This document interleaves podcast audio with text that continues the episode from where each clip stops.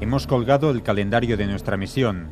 Hemos contado a conciencia los 45 días y dibujado debajo de los números un avión, luego un autobús lleno de jetas sonrientes con gorros y por último, en el rincón inferior derecho, los suburbios d'Esviato i Espàs. El relat d'en Yegor, un dels membres de la unitat militar russa destinada a la capital txetxena, és un relat cru i violent, una narració que reflecteix un doble conflicte, l'extern, el de la guerra de guerrilles, i l'intern, que mostra els problemes emocionals que viu en Yegor. Serios, pesados, atentos, atravesamos descampados y barrios tranquilos y desiertos.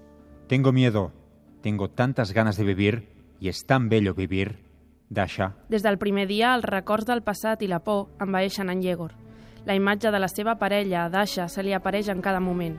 Les experiències viscudes junts, els moments feliços, li fan oblidar, per uns segons, l'horror del conflicte.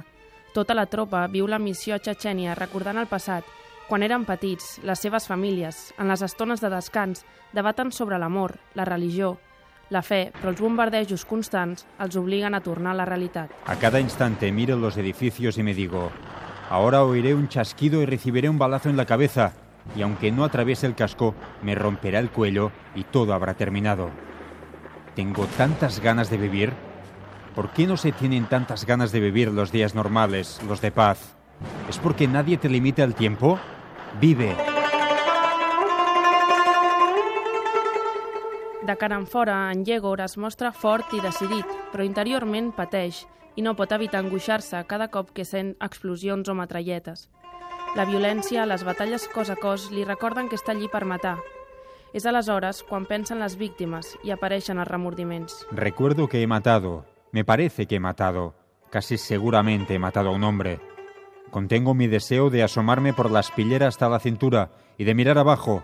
Tal vez esté tendido allí, en el suelo, desfigurado, y me mire con la cara desfigurada i un únic ojo. Ja queda poc per tornar a casa quan un atac sorpresa de les tropes esdevé el final per molts. El cara a cara és dur, sagnant i mortífer. Yegor es troba sol, desorientat, sense saber quant de temps ha passat ni quants companys han mort. Finalment en troba un. Són els únics del seu grup que han sobreviscut a la missió. Han matado ya a casi todos los que fueron allí para morir. Nosotros, los que quedamos, Permanecemos de pie con las caras quemadas, con las pestañas cubiertas de hielo, con el cerebro enfermo, con la vista embriagada y los pulmones destrozados tras haber experimentado un largo shock. Tot acabat. Tornen a casa on els prometen condecoracions, però res tornarà a ser igual. Les experiències viscudes a Grozny, la guerra, la mort i la por s'han convertit en patologies que sempre els acompanyaran.